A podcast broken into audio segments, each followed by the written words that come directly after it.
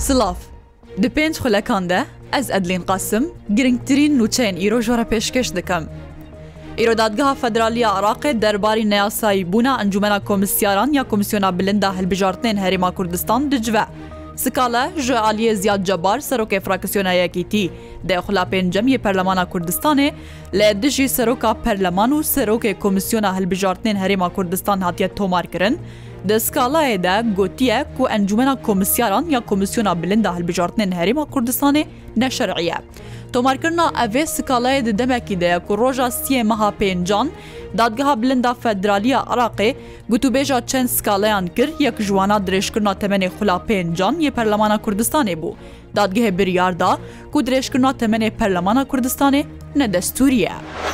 Wezareta Xwendina Bilind û Lîkolînên Zanistî ragihand, Ji îro ve dest bê dabeşkirina palpiştiyên darayiyê xwendekarên zanko peymangehan dê were kirin. Wezareta Xwendina Bilind di daxuyaniyekî de balav kiriye, Wezîrê Xwendina Bilind li gel bi Rêveberê Giştiyê Benga Navendî Herêm Silêmanî civiyaye. Gotûbêj li ser pirsên darayî û xizmetguzariyên Wezareta Xwendina Bilind û Zankoyan kirine, Biryar hatiye dayîn ku ji îro ve dest bi dabeşkirina palpiştiyên darayî bo qutabiyan were kirin. Biryara dabeşkirina palpiştiyên darayî yê xwendekaran di demekî de ye. Zankoya Selahedîn di daxuyaniyekî de belav kiribû ku dermaleyên mehên deh, yazdeh û duwazdeh yê du hezar û bîst û du yan her wiha meha kanûna duyem yê sala du hezar û bîst û sê yan bi hev re wê werne xerckirin. Piştî ku ji bo dema du rojan winda bûye, Zarokê heşt salî yê xelkê Rojavayê Kurdistanê û neşteciyê bajarê Raniya, Yasir Mihemed, derengiya şeva derbas bûyî termê wî li nêzîkî çiyayê Hencîre yê Raniya hat dîtin. Berdevkê polîsê Raniya Şoreş Îsmaîl ji Rûdawê re ragihandiye, kesûkarî wî gilî tomar kirine ku kesek bi hênceta kirîna tiştan, Kurê wan biriye û venegerandiye. Piştî lêkolînan derketiye ku ew zarok ji aliyê gêncekî temen bîst û yek saliye raniya ve bi çeqo hatiye kuştin. Bi kuj hatiye girtin, li gor gotina polîsên Ranyayê rewşawiya derûnî necîgîr bû.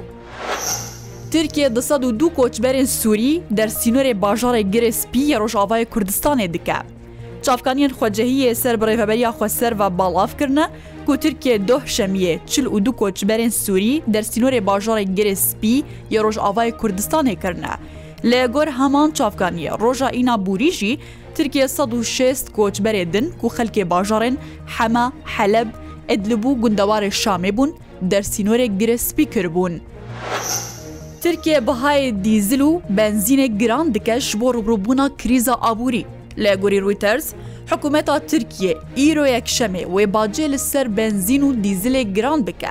Her litreke benzînê ji du point pêncî û du lîreyan wê bike heft point pêncî û du lîre. Her wiha ji bo benzînê jî wê du point pênc lîreyan wê bike heft point pênc lîreyan. Li gorî aborînasan ev zêdekirina bacê wê bandorê li ser berhemê sûtemeniyê li tevaya Tirkiyeyê bike.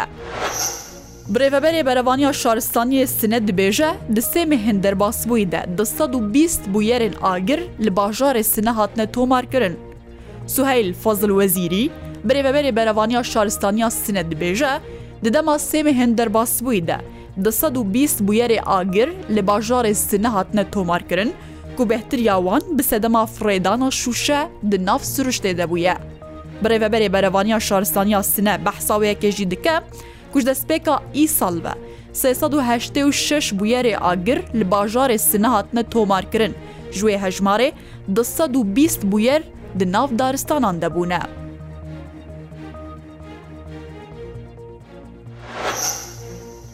Di lehiyên Koryaya Başûr de bîst û şeş kesan canê xwe ji dest daye û deh kes jî winda ne. Wezareta Navxwe ya Koryaya Başûr ragihandiye, di lehiyên çar rojên derbasbûyî de bîst û şeş kesan canê xwe ji dest daye û deh kesê din jî ji ber lehiyan winda ne. Aşkare kiriye ku tîma wan hewla rizgarkirina pazdeh otomobîlan dide ku tunêleke çar sed û sî metreyan dirêj û di bin erdê de mane.